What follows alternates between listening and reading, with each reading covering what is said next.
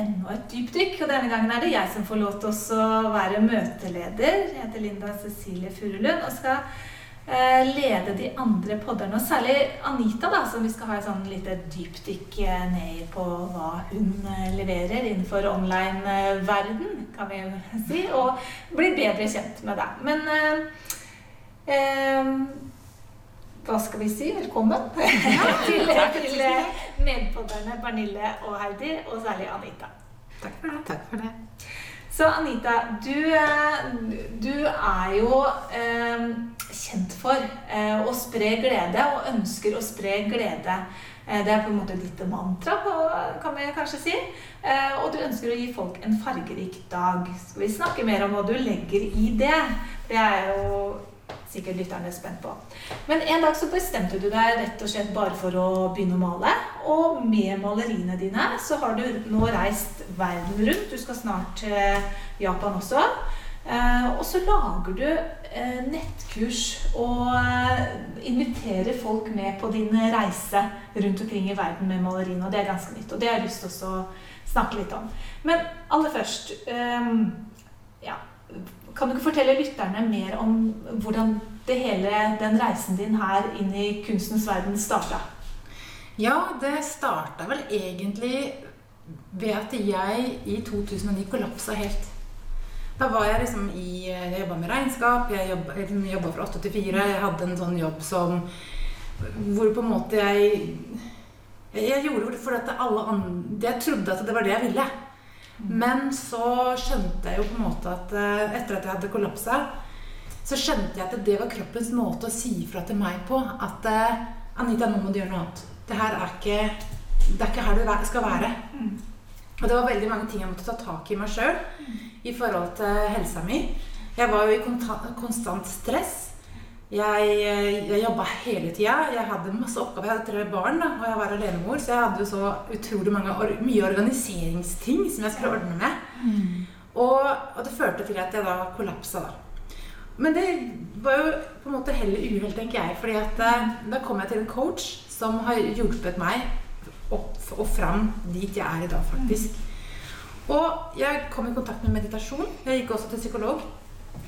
Eh, Jeg kom i kontakt med meditasjon, for det var jo psykologen også som sa at jeg måtte begynne å meditere for å finne ro i kroppen min. Og det gjorde jeg vel da fram til 2011, da jeg gikk på Hercules. Da hadde jeg meditert i et par år. Og så gikk jeg på Hercules, for da hadde jeg begynt å lytte mer til min indre stemme. Som er et ganske tradisjonelt kjøpesenter. Ja. Bare for å skjønne det. Ja, ja. ja, ja. Og det er jo Ja, ikke sant? Det er jo. Men det var liksom Plutselig så kom det en innskytelse til meg at eh, Anita, gå og kjøp litt farge eller maling og litt eh, og lerret. Og så tenkte jeg at ja, jeg, kreativ, jeg har jo ikke Altså Jeg har liksom dryppet noen lys med ungene eller laga noe julepynt. ikke sant? Det var liksom det jeg hadde gjort. Og så, men så tenkte jeg, gikk jeg inn til Panduro, og tilfeldigvis så var det 70% der. Jeg hadde jo sykla ut til Hercules. Og kom ut igjen med to gigant store bærposer. Og jeg tenkte kjære vene, skal jeg klare å sykle hjem? Og det var jo starten på mitt nye liv, egentlig. Og, og, det, og jeg visste jo ikke den gangen at jeg skulle reise verden rundt med kunsten min. Hadde du sagt det til meg da, så hadde jeg bare ledd. For jeg gjorde jo egentlig bare det her for, å, for meg sjøl. Jeg gjorde det her for å prøve noe nytt. Jeg gjorde det her for å prøve liksom noe annet. da, Gjøre noe annet. Og jeg syns det var så fantastisk gøy å male, og jeg syns det var så spennende å blande farger og lære, liksom gå på kurs, lære teknikker og sånne ting.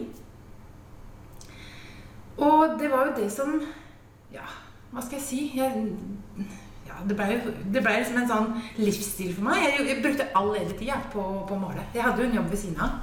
Eh, og, men jeg brukte all ledig tid jeg hadde, og da begynte barna å bli litt større. Sånn at jeg også kunne faktisk eh, bruke litt mer tid på det. Og så satte du deg litt inn i fargene, gjorde du ikke det? Jo, for at når jeg begynte å male, så oppdaga jeg liksom at jeg ble tiltrukket av de forskjellige fargene. Jeg oppdaga at eh, jeg malte veldig mye turkis en periode. Og så, og så malte jeg masse rødt en periode. Og så tenkte jeg hvorfor maler jeg masse turkis da? Og så hvorfor maler jeg mye rødt da? Og så så jeg på en måte sammenhenger i forhold til hva jeg møtte i følelsene mine, i forhold til hva jeg tiltrakk meg av farger. Så det var jo spesielt den turkise som gjorde at jeg våkna på det med fargene. Jeg, jeg våkna på det at eh, hver gang jeg sto i det at eh, andre snakka dårlig om meg, snakka negativt om meg, eller sånne ting, når jeg oppdaga det, så, så måtte jeg liksom Da var det turkis farge som jeg ønska å male. Og så oppdaga jeg sånne eh, rare ting med fargene, sånn at jeg lagde Ut ifra det så lagde jeg mitt eget fargepersonlighetssystem. Og det er jo kjempe, det er helt fantastisk morsomt for meg sjøl, så jeg brukte det som et eget personlighetsverktøy for å hjelpe meg sjøl til å få et bedre liv, rett og slett. Og, eh, men i 2014 da, så var det jo Telemarksutstillingen. Og jeg hadde jo aldri, jeg hadde jo vært på utstillingen på Tante Teveline, en sånn butikk og litt sånne ting. Jeg bare tenkte på Telemarksutstillingen. Det er jo en sånn en av flere sånne landsdelsutstillinger som de har rundt omkring i landet. Eh, bare for å forklare det. Eh, og der er det jo sånn at man må søke og bli antatt. Eh, og det nåløyet er ganske trangt. Ja, vær så god. Ja, og, og det, var jo, det var jo det som var egentlig litt skummelt, da. Fordi at jeg Altså mine malerier Jeg, jeg elska jo å male, men samtidig så trodde jo ikke jeg at jeg var god nok. Og, og det var liksom ikke Det var liksom ingen som egentlig sa at jeg var det heller. For de visste ikke det. Det var jo ikke de, de rundt meg. Det, var, det er jo ingen kunstnere i min familie. Det er jo ingen som, som det i min familie, eller som hadde noen formening om. De syntes egentlig bare det var litt sånn rart, det jeg holdt på med. ikke sant? Men så tenkte jeg at ok, hvorfor ikke bare prøve? Og så leverte, du da, leverte jeg tre bilder, og så og så tenkte jeg liksom ikke noe mer på det, og så gikk det bare noen ja, Når de hadde jo regjering, så fikk jeg en mail. Da satt meg og barna mine og spiste frokost. Det var vel en lørdag eller noe sånt, kanskje? Eller så, ja, husker ikke. Men i hvert fall. Da, da sto det at jeg, du er antatt på Telemarksutstillingen. Og det var jo helt fantastisk.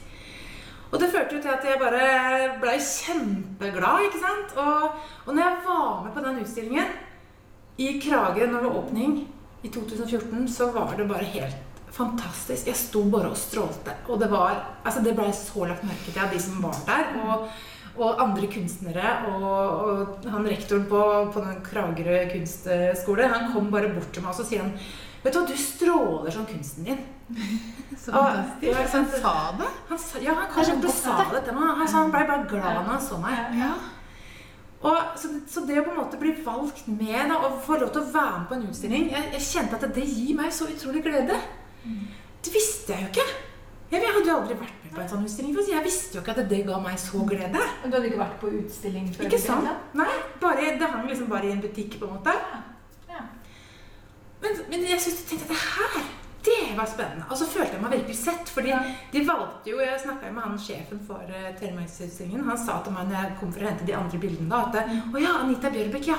Ja, dine bilder. Alle bare Wow, se på de fargene! De ble jo så glad av det bildet. Så de hadde valgt det også foran på plakaten og på programmet. Så mitt bilde var liksom det, det du så. Og tilbakemeldingen jeg fikk etterpå, var at det, det hadde aldri vært så mange på Telemarksutstillingen noen gang før. Og han trodde det var pga. mine farger, for de var så synlige. Det var vel også innkjøpt det var deg? Jo, det ble kjøpt med en gang. Det var mange som ville kjøpe det bildet, faktisk. Så det sto jo kø for å kjøpe det.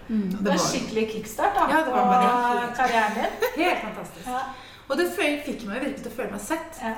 Jeg fikk jo trygghet på at jeg er god nok. Og så satt jeg da og kikka litt på, på, Facebook, eller på, på mm, Google eller på nettet, da, og så plutselig kom jeg over en utstilling på, i Firenze. Og det var bare, så jo bare helt fantastisk ut. Og, så- og så tenkte jeg jo tilbake på den følelsen jeg hadde når jeg sto på Telemarksutstillingen. Så tenkte jeg at å, tenk å ha vært her! Mm. Og så tenkte jeg hm, det, Alt sto på italiensk, ikke sant? Så det var jo jeg skjønte ingenting. Men så tenkte jeg at det var sånn Google Translate du kunne bruke, og så gjorde jeg det. Og så, og så så jeg at du kunne faktisk søke. kunst, exhibitor kunne søke, liksom. Ja. Og så tenkte jeg at det her er jo greit å bare lage en søknad på, eh, på eh, Søknad og CV og lage en liten biografi. Og det var så enkelt og greit. Og jeg bare sendte det videre og sendte inn søknad, og så glemte jeg det hele. Fordi at jeg hadde egentlig ikke så veldig mye tro på det. Jeg gjorde det egentlig bare for å utfordre meg sjøl, for jeg tenkte at det er jo ingen som trenger å få vite det heller. Så jeg glemte det bare helt. Men det var jo modig at du, altså du, at du sendte en søknad, da. Ja, ja, for jeg tenker, når er, du god, når er du klar for utstilling? Når er du, du føler at det, når er dine bilder bra nok eh, til å være med på utstilling? Det er jo et spørsmål. ikke sant? Det, er ikke så, det er en utfordring å vite. Og jeg var jo heldig da, som fikk lov til å, å bli valgt ut på Telemarksutstillingen og fikk en sånn bekreftelse på at jo, nå er jeg klar. Nå er du klar. Ja. Og, og, og det var jo så spennende med at, eh, at jeg gjorde det, da. Mm. Men altså fra eh, Hercules og Telemark og Italia og så videre rundt i verden eh, Hvordan får du det til?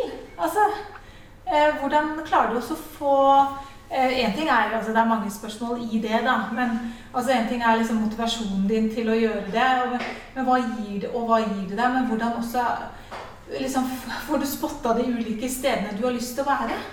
Ja, altså, det som, da, altså Mine mål har blitt til underveis. Mm. Altså når jeg begynte å male i 2011, så, visst, så, så hadde jeg jo ikke egentlig noe mål. Og når jeg ble valgt med på Telemarksutstillingen, så, så hadde jeg et nytt mål. Da fikk jeg et nytt mål, og det var å reise til Europa. ikke sant? Mm. Og når jeg da reiste rundt i Europa, jeg var i mange mange steder rundt i Europa, Mm. så begynte jeg liksom å tenke at hm, Så ble jeg liksom møtte jeg andre mennesker, ikke sant? Andre kunstnere, og jeg fikk masse tilbud og sånne ting, mailer og sånn. Og så begynte jeg å se at oi, kanskje jeg kan reise til Afrika? Da fikk jeg, ble jeg kjent med Hayat Saidi ble bedt med som norsk ambassadør på Women's Art World i Marokko. Ja. Og så tenkte jeg at oi, da kan jeg reise til Europa. Kanskje å, ny- mitt nye mål er å reise verden rundt. ikke Ja. sant? Så det er jo på en måte Målene blir på en måte lagt til underveis, da. Mm. Det er veldig morsomt. Ja, Det er jo kjempemorsomt. Jeg tenker at Du viser jo at det er en eh, mulighet å reise rundt i verden med kunsten din og liksom få kunsten ut selv. eh, altså, og det er mange måter å gjøre det på innenfor kunstverdenen. For kunstverdenen er jo ganske omfattende. Og det er mange som ønsker å male, og mange som maler, og mange som eller driver med andre kunstneriske aktiviteter. Og så er det liksom flere måter å gjøre det på, da. Eh, jeg hadde lyst til å si det at eh, eh, var til stede på et av dine, foredrag, og der var det en, en der som sa med eh, veldig kjærlighet at du er, du er så herlig skamløs i måten du omfavner kunsten eh, og opererer som kunstner i verden på. Og da tenker jeg, fordi det, det som ligger i det, er jo det der at, at kunstverdenen er jo, eh, består jo av en profesjonell del av profesjonelle kunst, kunstnere som har eh, den riktige utdannelsen kanskje, eller vært på de riktige utstillingsstedene, eller riktig det i hvert fall åpner opp for en del av kunstverdenen som handler om offentlige gallerier, innkjøpsordninger, eh, stipender og den type ting. Mens du opererer i en annen del av kunstverdenen. Hvordan har det vært? Eh, Hva, har du møtt noen, eh, noen eh, si, tilbakemeldinger på det? Du, hvordan liksom klarer du å takle det å være kunstner i det feltet du er, da? Jo, altså det er jo Jeg er jo på Altså Økonomisk så er det jo en katastrofe. ikke sant? Fordi at jeg får jo ikke, jeg får jo ikke støtte til noen ting. Eh, så sånn sett så er det jo veld, et veldig Det er veldig mange kunstnere som ikke gjør det uansett. Ja. Da. Ja. Ja da, men det er liksom noe med at det er ikke, no, det er ikke noen støtteordninger. Har, alle søknadene jeg har fått søkt, er avslag og sånne ting. Og det er veldig greit. Men eh, Og så er det jo litt sånn at eh, vi blir jo Det er, det er en sånn konkurransebit hvor vi også sammenligner oss med, med hverandre. Og, og jeg har jo også møtt, møtt Siden jeg er så glad og jeg er så synlig, sant, så blir det tryggere andre. Og jeg har jo blitt eh, fortalt at jeg ikke er god nok, og at jeg virkelig må bare slutte å drive med det her, fordi at det er ikke bra nok i det hele tatt. Men så tenker jeg at det, det har jeg kjent på, og så har jeg på en måte måttet jobbe med det møtet i meg sjøl, da. Så det er jo en personlig vekst i forhold til at jeg faktisk blir tryggere på meg sjøl, i forhold til at jeg slutter å bry meg om hva andre mener. Fordi at jeg stopp, står opp for meg sjøl og går og følger det som er hjertet mitt. Og jeg tenker at det er det jeg skal gjøre, istedenfor at jeg skal bare høre hva andre mener og hva andre sier. For at noen elsker jo bildene mine og, og vil bare kjøpe fra meg. Mens andre de syns jo det bare er noe tull. ikke sant? Men altså, det er min formidling og det er min energi som tiltrekkes noen. Men ja, det er, det er jo et tøft merke. Men jeg, jeg ser ikke på andre som konkurrenter. Jeg tenker at vi er alle like, på en måte. da, men vi, vi, Jeg vil egentlig at vi bare alle vil hverandre vel, da. Jeg tenkte også på, at øh, det, der synes jeg er veldig spennende, der i tillegg til dine bilder og dine malerier, så har du jo et sånn parallelt løp med dine farger, Mm. som du krysser over med hverandre. Altså det her coacher folk i forhold til fag og kører Facebook Live med, hvad, det, hvad den hedder. øh, Ja, den, den eh, live-TV 'Livet en reise i farger Ja, da, ikke sant, hvor du jobber med, med det. Ja. Øh, hvor du ligesom, og det, det synes jeg er en spændende måde, hvordan du kombinerer det med at kunsten og malingen til noget vældig praktisk, sådan øh, jordnært, øh, som andre kan have glæde i. Og jeg må jo sige, jeg har jo så heldig, at jeg har været med på at, at, og lave nogle farvekort, Ja. som folk kan købe af dig. Ja. så det synes jeg er en spændende måde, du har. Du siger, det, Linda siger ligesom, du, du jobber i en lidt anden del af øh, øh, kunst, kunstverden, men også at du har, du har ligesom sådan øh, business og, og Mario lidt sådan kombineret på, på en veldig spændende måde. Ja, jeg, jeg bruker jo farger så på utrolig mange måter. Ja. Og jeg ser jo farger som følelser. Det, har jeg på en måte, det er jo derfor jeg, de ni fargepersonlighetene kom til meg. da. Og, og det med å og Mulighetspodden, det, er jo på en måte, altså det er jo også en del av eh, reisen, tenker jeg da. Det å kunne samarbeide med dere, lage en podkast, jobbe altså Det har vist meg at det går faktisk an å jobbe og ha det helt fantastisk gøy. Jeg tenker Det er det jeg ønsker å formidle. At vi, nå har jeg liksom laga min bedrift til et fantastisk sted hvor jeg, som jeg elsker å jobbe med. Jeg gleder meg til hver eneste dag. Å kunne jobbe med coaching, kunne jobbe med intervjuer, kunne jobbe med podkast og uh, og utstillinger og male og alt det her. her. Og så, og så det der jeg tenkte på Du har jo liksom nå reist nesten hele verden da, mm. med, med dine bilder. Men hva, hva, hvordan bygger du deg nettverk? Ja, altså det er jo, det er jo så eh, fantastisk å kunne reise på disse utstillingene. Ikke sant? Er, jeg slår jo så mange fluer i en smekk det å reise på disse utstillingene. Fordi at eh, da får jeg gjøre det jeg elsker å gjøre. Jeg får snakke med, jeg får vise fram bildene mine. Jeg får snakke med mennesker som faktisk er interessert, og som kommer bort og spør meg om, om eh, hva det betyr og sånne ting. Jeg får eh, reise til steder jeg aldri har vært før, og jeg får møte andre kulturer. Og der møter jeg jo mennesker som bare er helt fantastiske. Og det er jo på disse utstillingene og reisene som jeg skaper det nettverket. Det, og jeg har jo fått masse venner for livet som jeg holder kontakt med. Og, og andre mennesker. Så jeg har bygd et nettverk nå som går over hele verden, faktisk. Så det er, det er så spennende, og nettverk er jo så viktig. Og, og det er jo morsomt, for det er jo Folk kommer liksom på en måte litt bort til meg òg, for jeg tror jeg stråler ut en sånn De ønsker å skape nettverk sammen med meg, da. Ja, jeg kan skrive under på det. Jeg har vært med deg på noen, noen utstillinger, og du, du bare stråler i det rommet. Det er så fantastisk å se. Det, det er så mye glede. Som du, så folk blir veldig tiltrukket av det, altså. Og det, det, er liksom det, prøver, det er liksom det jeg prøver å finne ut av. Hvordan kan jeg formidle til andre at de skal finne det i seg? Finne den gleden. Så lyttere som dere som lytter også, at jeg, at det, hva er det som gjør deg glad? Hvordan kan du skape glede i din hverdag? Og, og da kommer vi tilbake til den visjonen og det målet mitt som jeg, når jeg starta Kreativ kunst i 2013. Da måtte jeg jo finne en visjon, og det, da kom det til meg at du skal finne kjærligheten til deg selv og gleden i hverdagen. Og klarer du det, så når du målet mitt, som er at du er god nok alltid. Og når jeg begynner å tro på at jeg er god nok alltid, så finner jeg glede i hverdagen. Og det er jo det som er så fantastisk. Og det er det, det, jeg ønsker å formidle med kunsten min. da. Den gleden, og at livet faktisk kan være lett, enkelt og gøy. Herlig. Eh, men er, er, er livet lett, enkelt og gøy? Eh, er det liksom like lett, enkelt og gøy eh, lokalt, nasjonalt og internasjonalt? Eller ser du liksom forskjeller der når du opererer liksom på verdensbasis og nasjonalt og lokalt? og det vet jeg kanskje I hvert fall jeg lurer litt på det. For jeg også kjenner litt på det noen ganger at å, gud, så deilig det er å komme ut fra Skien, her hvor jeg bor, da. Eh, nasjonalt i hvert fall. Nå har ikke jeg vært så mye internasjonalt som deg, men det høres ut som det er utrolig gøy å få et nettverk over hele verden. Men også, kan du si litt om det? Hva er forskjellene der? Ja, altså, Norge er jo litt annerledes da enn resten av verden. Jeg vet ikke, Danmark og Sverige er kanskje litt mer åpne. Det jeg har ikke sett meg så veldig inn i. Men i hvert fall i Norge så er det liksom mye mer lukka. Det er ikke så øh, åpenhet for å gjøre sånn som jeg gjør, da. Det blir litt uh, det, det trigger veldig Ja. mange Ja. ved det jeg gjør, fordi at jeg betaler faktisk for å, å være med gallerier i utlandet.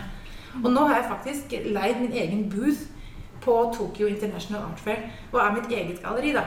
Ja. Men det trigger jo de som Det trigger jo noen. Mm. Uh, ved at jeg tør å gjøre det her. For altså, jeg vet ikke hvorfor, men ja, sånn er det jo. Det vil jo alltid trigge noen. Og, og det, som, det som var, var at jeg trodde jo at det å reise rundt i verden på utstilling, det var helt annerledes. Jeg hadde en annen forestilling og formening enn det det faktisk var. Så jeg har på en måte lært på godt og vondt eh, det som er i utlandet. For i Norge så er det ikke så lett. Da kommer du på en måte helt, du, Det er ikke lett å komme på gallerier og utstillinger i Norge hvis du ikke har den rette utdannelsen eller de poenga. Eh, men i utlandet så kan, er, det, er det lettere, på en måte, da, for at du har mer, det er flere steder å velge i enn det er i Norge. Men eh, ja, jeg, jeg gjør det fordi at det, det er glede, på en måte. Og eh, ja, Nå glemte jeg litt hva jeg skulle si her. Jeg lurer bare på en ting. De her utstillingene du reiser ut til i, i verden, fins den type utstillinger også i Norge? Nei. Nej, de, nei okay. Mm. Det, ikke som jeg vet, da. Nei. Det kan, skal ikke jeg si. eh, Men jeg har ikke hørt om jeg har ikke hørt om sånne utstillinger her i Norge. Det har jeg faktisk ikke. Nei. Nå har jeg litt et spørgsmål. Den går egentlig både til Linda og til deg. fordi Linda er også inne i den verden. Hvordan er det å, å, å sælge kunst i, i, i Norge? Altså, er det lett, eller er det et vanskelig marked å være i? Et kjempevanskelig marked. Altså Økonomien for kunstnere sånn generelt sett, da, uansett om man kaller seg profesjonell eller ikke, eller er det eh, Det er jo dårlig business. Altså, de fleste kunstnere har, har en bijobb. Mm. Eh, Men når det er sagt, så fins det både profesjonelle kunstnere som selger og gjør det bra, og eh, det man kaller da Anita og andre som ikke har de berømmelige tre poenga for amatører, som gjør det kjempebra. Mm. Eh, Så det kommer an på, men da, da er det sånn i- utenfor det profesjonelle kunstlivet så må man liksom finne andre steder. Og det syns jeg er så spennende med deg, Anita, at du har funnet liksom verden som din lekegrind, da, nesten. Eh, og, så, og så kjenner jeg jo andre som selger liksom via andre typer kanaler, da. Eh, som, som jo blir mer og mer vanlig. Eh, så, så det er mange måter å kunne leve av kunst på. Mm. Og så er det mange som driver med formidling i tillegg, og der er jo du inne på noe, men driver på formidling på din egen måte. Og det jeg syns er kjempeinteressant, er jo den derre Nettopp den derre eh, måten du går inn i utstillinger på. og virkelig omfavner og syns det er så fantastisk å være på utstillinger. Jeg også syns det, men jeg, jeg er mer sånn, litt sånn lokka og, tar inn inntrykk av mine. Jeg har alltid gått på utstilling fra jeg var bitte liten. Jeg har alltid hatt en mor som har dratt meg med. Så jeg har vært masse masse på utstillinger. Er mye på utstillinger uten at jeg det. Men jeg ser jo hvor, hvor viktig det er. Jeg tror at du har en funksjon der. da, fordi det er mange som ikke kanskje opplever kunst så mye, og som vet helt hvordan de skal te seg, og alt, alt det her. Også mange amatørkunstnere som ikke vet om mulighetene til hvordan de kan liksom nå ut med kunsten sin, annet enn på den lokale puben eller kafeen. Liksom. Mm. Mens det er, mulighetsrommet er mye større, og det er du med på å bevise. og Det syns jeg er kjempekult. Ja, og jeg har jo. Ja, og jeg har jo gått en vei. Jeg har jo møtt eh, som jeg, som jeg sa tidligere, både positive og negative ting. Jeg har jo erfaring eh, i, på ting som jeg trodde var noe helt annet, som jeg kjente liksom virkelig litt skam på å være med på. Mm. Og jeg tenker at det Men jeg visste jo ikke det i forkant. Jeg visste jo ikke det før jeg var med. Og så tenker jeg at det, og, så, og da ble jeg ble skikkelig deprimert av det. Jeg følte at det her var Da mista jeg gleden i det. For jeg syns at det her er lureri. Mm. Så det er mye sånne ting Det også er som lureri i den bransjen også. det er, det er faktisk så Det er en utfordring i forhold til at eh, kunstnere blir lurt, rett og slett. Til å betale på, på ting du e- kanskje ikke egentlig i utgangspunktet syns er så greit. Uh, og det er mange ting, så det er, det er mange erfaringer man gjør så, da. Men så er det andre ting som Så jeg måtte ta et skritt tilbake, rett og slett. Etter at jeg kjente på at det her var, det ble ikke gøy lenger. Og så måtte jeg ta et skritt tilbake og tenke at skal jeg slutte helt nå? Det husker jeg, at du var i en Ja. skal ikke maile mer? Men er det her er ikke noe gøy. Det her er, det er lureri, liksom. Ja. På noe, da. Og, men så måtte jeg ta et steg tilbake, og så måtte jeg kjenne på hva det Og så kjente jeg liksom den spiren av gleden da, som, jeg, som jeg ikke klarte å gi slipp på. Og så tenkte jeg at nå, da måtte jeg bare finne ut hva er greit for meg. Hva er det greit for meg å være med på? Ja, Var det lureri liksom, når du snakker om det, er det Var det liksom i forhold til utlandet? Ja. Ikke Norge, men Nei, ikke i utlandet? Norge. Nei. Det var ikke i Norge, det, altså. Det var i Det- utlandet. Det var noen, noen, noen utstillinger som Ja. ikke var reelle. Det var noe som jeg kjente at det var liksom ikke Og det får du faktisk lære om på kurset mitt. Jeg har jo et kurs gående i forhold til det med gallerier og, eller utstillinger i utlandet. Ah, ja. Og jeg tenker at Der kommer det masse informasjon om, om mine erfaringer. Og Jeg tenker at jeg, jeg har jo snakka med mange folk i utlandet, og, og de syns det er helt greit. Det som jeg syns var kjempeskamfullt. Så jeg tenker at det, det kommer litt an på hvor du, hvor du er hen Ja. hvor du kommer fra, hvilket miljø du vanker i. For i Norge så er det her tabu. Jeg får jo pepper på, på Facebook fordi at jeg er med i, eh, i bøker og, og på at jeg betaler plass på gallerier. ikke sant? Jeg får jo pepper på det, for det er jo noen som ikke tåler at jeg gjør det. Eller blir synlig på det. At jeg faktisk erkjenner at jeg gjør det. Men jeg har faktisk stoppa opp jeg, og, og kjent at det var, var greit for meg å være med på, og var ikke greit. Og så har jeg liksom følt meg litt fram. Og ja, vi tar jo jeg, går, jeg tråkker feil, og så må jeg bare si at eh, ok, det gjorde jeg da, og så får jeg bare ta steget videre. Mm. Det er jo utrolig mye læring, det, da. Ja, veldig. Og så vet man jo ikke alle, alle tinga på forhånd. Nei. Mm, hvordan bransjen opererer i Nei. utlandet kontra Norge. Det er liksom ikke alle som har kjennskap til det. Nei, jeg tenker at Du har tatt de erfaringene for Ja. andre, da, sånn Ja, at ja. nå kan de lære av dine erfaringer og dine Ja. eh, blemmer og dine oppturer og alt sammen. For du tar det jo faktisk med bak, eh, bak eh, scenen, eller hva som hva det. Eh, så det er jo kjempegøy. Men, men, og, og i det så er det jo veldig synlig, og da tenker jeg på eh, og du er veldig god på det. Det er jo den tingen som jeg har lært av deg. Å bare tørre å være synlig. Og bare ta, ta en live, liksom. Bare, ja, nå tar vi bare en live, og nå gjør vi sånn. Men hvordan, hvordan klarer du altså, hvordan klarer du det? Jeg tenker det er ganske øh, Du skal liksom produsere til en utstilling, du skal reise dit, du skal komme dit, og så skal du i tillegg gå live rett før utstillingsåpning. Og kanskje mens altså, Hvordan klarer du det?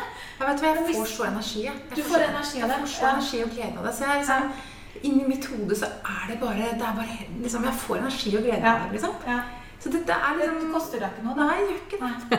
Og det er det som er så fantastisk, ikke sant? Men har det alltid vært sånn? Nei, er det Er det gærent. Vet du jeg har jo hatt skikkelig problemer med å, å, å formidle, egentlig. Jeg har jo vært så redd for Jeg fikk jernteppe alltid. Jeg fikk alltid jernteppe når jeg skulle ha foredrag eller sånne ting. Så fikk jeg bare totalt jernteppe. Klarte nesten ikke å si noen ting. Så det har vært min erfaring. Så jeg har virkelig jobba med meg sjøl i forhold til det å tørre å snakke høyt. Det å tørre å si hva jeg mener. Det å egentlig vite hva jeg mener. For det hadde jeg egentlig ingen formening om når jeg kollapsa i 2009. Da, da hadde jeg jo ingen mening. Så jeg har vært skikkelig langt nede. ikke sant?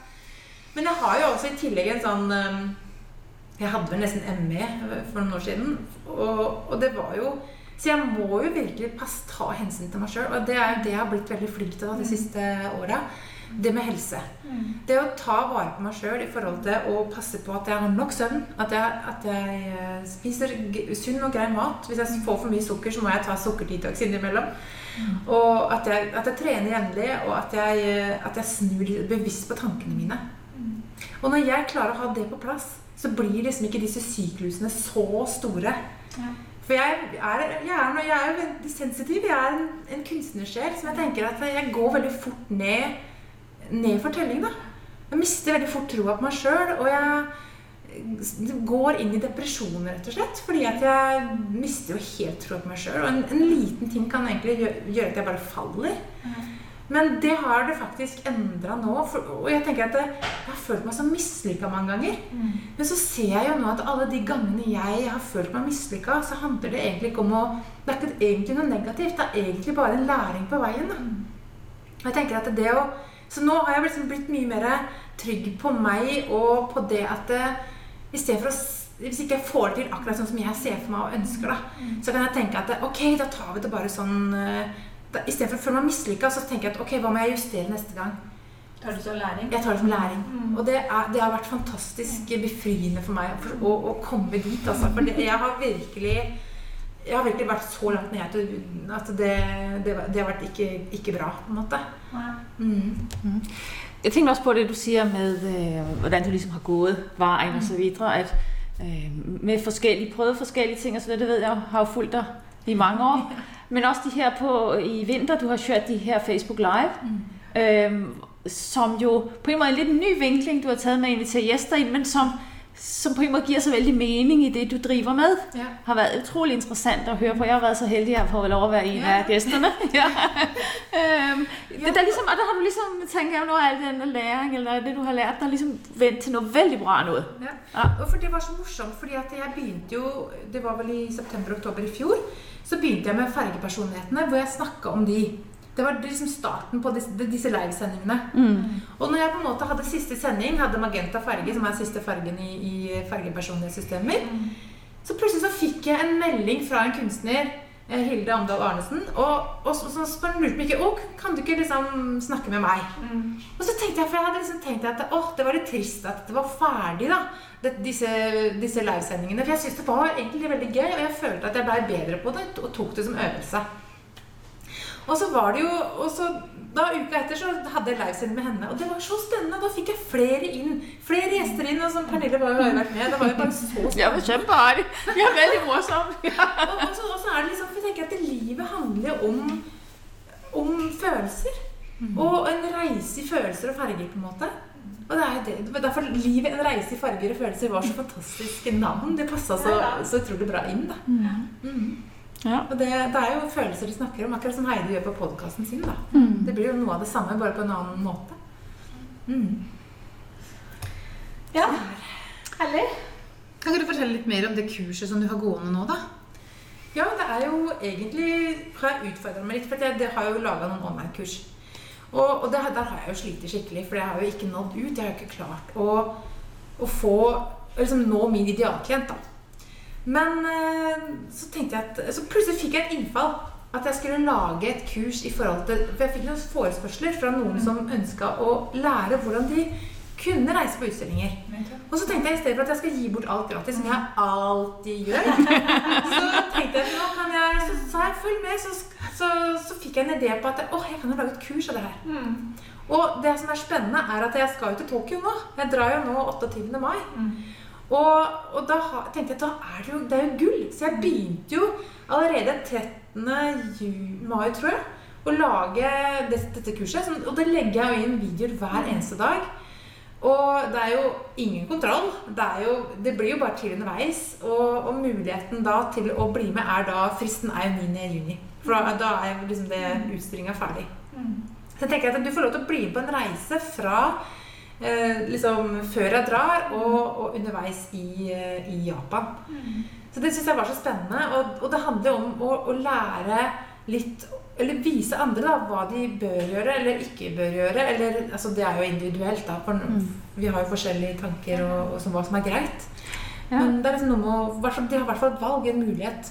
Altså jeg, har, jeg følger den jo, og at øh, jeg ser jo for eksempel, du har lagt ut eksempler på, hvordan man følger ut et schema, og hvordan man gør forskellige ting, og det er jo utrolig sånn matnyttig praktisk, som jeg tenker på dem, der kunne tenke seg å bli med på noe sånt, da er det jo virkelig en gavepakke å få hele legnet opp til, hva man må tenke på, og ikke minst dine erfaringer.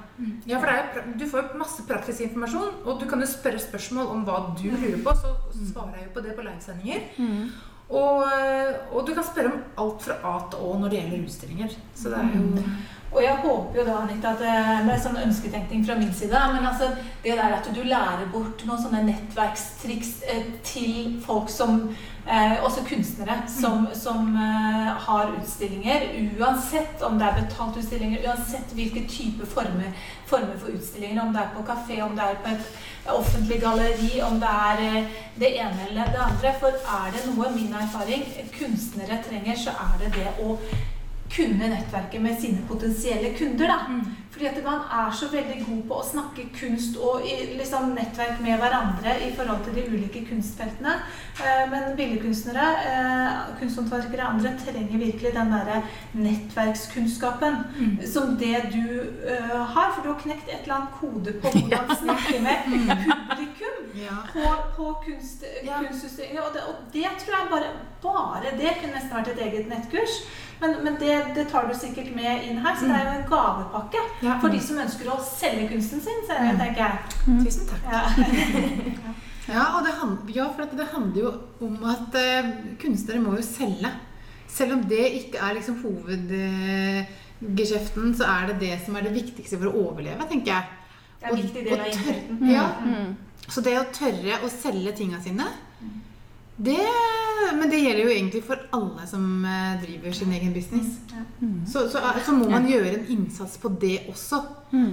Ja, for jeg er jo ikke så veldig god på salg enda. Jeg, skal, jeg blir veldig god på salg snart. Men, men jeg, det som jeg er god på, det er å snakke med dem. Og jeg tenker at det, når, når vi hadde pop-up-utstilling her eh, forrige uke, så kom det jo noen av mine tidligere kunder som har kjøpt bilder av meg, og sier at å, vi skal ha et bilde av deg. Ja. Ikke sant? Så Det var gøy. meg de ville altså, Da begynner jeg liksom å få mine feller. Da. Og det var jo helt fantastisk å, å oppleve det. på en måte. Det, det hadde jeg liksom ikke sett for meg jeg ble skikkelig stolt og glad. Og takknemlig for det. Og det, det er jo eh, gevinsten for synligheten din, Ja. kanskje. At du begynner å høste av synligheten. Men det tar jo tid, da. Ja. Eh, Det tar noen år nå. Ja. Ja, men, altså, ja, ja, men tenker du at du begynner å merke det? At det er en gevinst? Det ser jeg veldig. Og jeg får jeg fikk også I går fikk jeg beskjed fra Eller mm, fikk tilbakemelding da, fra, fra ei som, som jeg har kjent i noen år. Om, hun syns jeg var blitt så dyktig på, på å formidle. Mm. Og, og dyktig på å liksom holde livesendinger og, og på en måte ba meg sjøl. Og det er jo takket være Mulighetspodden også, tenker jeg. Så det, ja, vi, vi går alle en vei. Og, og når du tør da, Ja. å utfordre deg, gjøre nye ting, så må jeg jo si at Mulighetspodden og de livesendingene som, som jeg har med intervjuer og sånne ting, altså det er jo en fantastisk erfaring og ja, glede i hvert fall. For meg, da. Mm. Og, og hvis, kan, hvis de også kan være med på å, å få andre, spesielt lyttere også som, Hvis en av dere lyttere også er med og hører på disse fantastiske menneskene jeg intervjuer også, så er det så utrolig mye vi kan lære av hverandre. ja, de er veldig interessante. Kjempeinteressante. Ja. Ja. Og, og det er jo masse forskjellige folk som er med, som med forskjellige bakgrunner og forskjellige ting som, som, som de ønsker å ta opp, som de står i. da. Og så tenker jeg at det er når vi tør å dele, som, um, dele våre innerste tanker og, og kanskje frustrasjoner og det vi møter og sånn i livet, så tenker jeg at det, For jeg, jeg trodde jeg var aleine i forhold til det med økonomi og ikke føle meg god nok i forhold til bilder og sånne ting. Men jeg er jo ikke det. Det er jo ikke bare jeg som tenker sånn. Jeg tenker veldig, veldig, veldig mange av de andre kunstnerne som maler og sånne ting, jeg tenker de også har vært der eller er der. Så, så det å på en måte vite at vi, vi kan alle hjelpe hverandre, det tror jeg er så viktig. Veldig bra. Da gleder vi oss til å følge deg til Japan og andre steder etter hvert. Og det er jo ikke sikkert du slutter med Japan, selv om du snart har vært i hele verden. Nei, vi skal da også til Danmark i sommer. ja, ja, ja, ja, Ja, ja, ja, ja, ja, Ja, før det så blir det kanskje en utstilling nede på Midtgård. Så ja. galleri her i Skien. For nå har jeg jo faktisk blitt bedt inn i gallerier her i Skien. ja. Så det er jo faktisk en stor forbedring. eh, Liksom at jeg får, nå, nå begynner jo gallerier å ta kontakt med meg. Så jeg har jo vært på, i Son på utstilling, jeg har vært i Moss, og, jeg, og nå er det Galleri Skien. Så det er jo Altså det bare Ja. Og så nå i Danmark fikk jeg forespørsel fra Danmark, ikke sant? Fra Pernille her. Så det er jo Det er så gøy. Ja, så det må vi lige reklamere for her. Ja. Sjællandsøjet. Det ligger på Sjælland, på vestsiden af, i forhold til København. Og der skal vi have pop-up i Havnebyen. Det Øhm, blir kjempespennende. Dato? Det er Nå er vi slutningen av juni, begynnelsen av juli. Øhm, og der må man tage turen, både fordi det er en fantastisk fin sted, og fordi at det bliver en champagne Ja. pop-up Ja. shop, vi laver. Med litt sånne livesendinger innimellom. da. Helt sikkert, Ja, helt det er- sikkert. Ja, er hvis de ikke kommer til Danmark akkurat. Det er det som er så fint med det. At Da får vi liksom vite det, og da går det an å kanskje også kan du tenke på å forlenge den kundeklubben din, eller hva det skal være, eh, eh, eller kurset. Ja. Ja, det er morsomt. Det er mange muligheter, og det er jo et eksempel på hvor mm, mange muligheter det er å ha utstillinger. Det er jo et sånn turiststed Mm. i, i Danmark, eh, på et fiskevær eller noe sånt. Ja, Eh, ja. Ikke sant? Så det er også en eh, mulighet eh, som man kan gripe som kunstner, Mm. og som du gjør. da. Ja. Ser mulighetene rundt omkring. Og det er det som er så morsomt når jeg har det kurset som gående akkurat Ja. nå. Ikke sant? Så har jeg så mange ting som jeg er, det er midt oppi akkurat det. Så de får jo ta del i det, de som er på dette kurset. Ikke sant? I forhold til pop-up, i forhold til gallerier, i forhold til eh, Danmark, altså Tokyo, Japan. Ja. Få være med behind the scene. Det er jo det som er så De får så masse informasjon, da. Mm. Mm. Ja, er det noe du er, vi ikke har kommet innpå, som du har lyst til å få sagt? Ja, men jeg er veldig takknemlig for barna mine, da. jeg kommer på det også. Jeg er veldig glad i de. og Det er jo, men jeg syns det er deilig at de nå er blitt såpass store at jeg faktisk nå kan, kan liksom gjøre ting som jeg syns er gøy. Mm. Nå har de blitt så store, og da, da er de blitt mye mer selvstendige, og jeg får mye mer tid til meg sjøl. Så det, det, alt liksom, tenker jeg, alt legger seg liksom til rette til riktig tid på en eller annen måte. Det er morsomt. Mm. Ja, veldig bra. Det er vel bare også å hive seg rundt og bli med på det kurset for å oppleve hvordan det er eh, i Tokyo og på kunstscener rundt omkring i verden. Det tror jeg mange er spent på, veldig interessert i. Så det håper jeg ønsker deg lykke til med lansering. Eller du er jo i lanseringen, men det er fortsatt mulighet til å melde seg på kurset. Mm. Så masse lykke til. eh, til Hva er det, de finner, da? Ja, du finner meg på kreativkunst.no på, på hjemmesida mi er der. Eller på galleriab.com. Jeg har to hjemmesider. Eh, Du finner meg også på Facebook på Anita Bjørbekk eller på AB Kreativ Kunst. Og så har jeg da en Instagram-konto som heter Kreativ Kunst. Ja. Ja. Mange muligheter. Mange på LinkedIn. Anita Bjørgen. Og det her kurset, du kører nå frem til den her Japan-udstilling, det ligger på Facebook, ikke sant? Det ligger mest på Facebook, ja. Ja. Så dette kurset foregår på Facebook. Så det er, de, dersom du som lytter ikke har Facebook, så blir det litt vanskelig. Så du, du må ha en Facebook-profil for å kunne bli med. Ja. Ja. I hvert fall denne, I denne runden så, Ja. så har jeg gjort det sånn at eh, For da kan jeg ta livesendere og direkte, direkt slippe å liksom lage videoer. Ja. Da tar jeg livesendinger direkte, sånn at det kommer inn med en gang. Mm. Inn på dette kurset. Og det er jo et stort poeng. Ikke sant? Og da, Mm. så masse du, tid du sparer for å istedenfor å lage videoer og så liksom redigere og så legge ut. Men når, når er det siste frist for å melde seg på kurset ditt? Ja, Siste frist for å melde seg på, i hvert fall i denne runden, er eh, 9. juni. Ja. Fordi at det er et kurs som går på det at du, du skal være med underveis. da. Mm. Så du får liksom med deg hele greiene underveis. Ja, så kurset er i gang allerede. Så, Men eh, hvor lang tid eh, vil de ha tilgang til det kurset i etterkant? Ja, det, Vi har tilgang fram til nyttår. Ja, Mm. Så det blir jo nesten et halvt år, da. ut året. Ja. Ja. Mm. Nei, veldig bra. Da er det bare å glede seg til å følge med på deg videre, Anita, hvor du hopper neste gang. Eh, jeg tenkte hvis det ikke var noe mer du hadde på hjertet nå, så kanskje vi skal avslutte med å si det at eh, jeg syns det er veldig spennende. Hørte nå at den nye trenden liksom i Jeg vet ikke helt eh, Men en av de nye trendene i Europa nå er å tenke på liksom, hele mennesket. At det er så viktig å finne balansen i livet og finne det hele mennesket framfor det vi kanskje snakker mer om i Norge, som er det derre å få bedrifter opp og stå og skape store bedrifter og vokse og alt det der der. Mens nede i Europa så snakker man kanskje litt annerledes. Og kanskje er det du opplever også når du reiser ned på kunststeder i Europa og verden over, da, at det er en litt annen tankegang enn det vi har i Norge. Jeg vet ikke om det gir mening. Men i hvert fall, eh, tusen takk for at du lytter på Mulighetspodden. Og eh, Hvis du syns det er spennende å følge oss, så håper jeg at du abonnerer på det vi fins på iTunes og Anchor og Spotify og mange andre steder der du liker å lytte på podkast. Og så er vi kjempeglade hvis du går inn og så gir oss et lite hjerte, altså rangerer oss. Gjerne skriv en liten kommentar. Og, og det kan du gjøre også på Facebook og Instagram, for du finner oss også der. Vi prøver å legge ut litt forskjellige steder. Så skal vi bare si takk for nå, da. Ja. Takk, Takk for nå. Hei, hei. hej.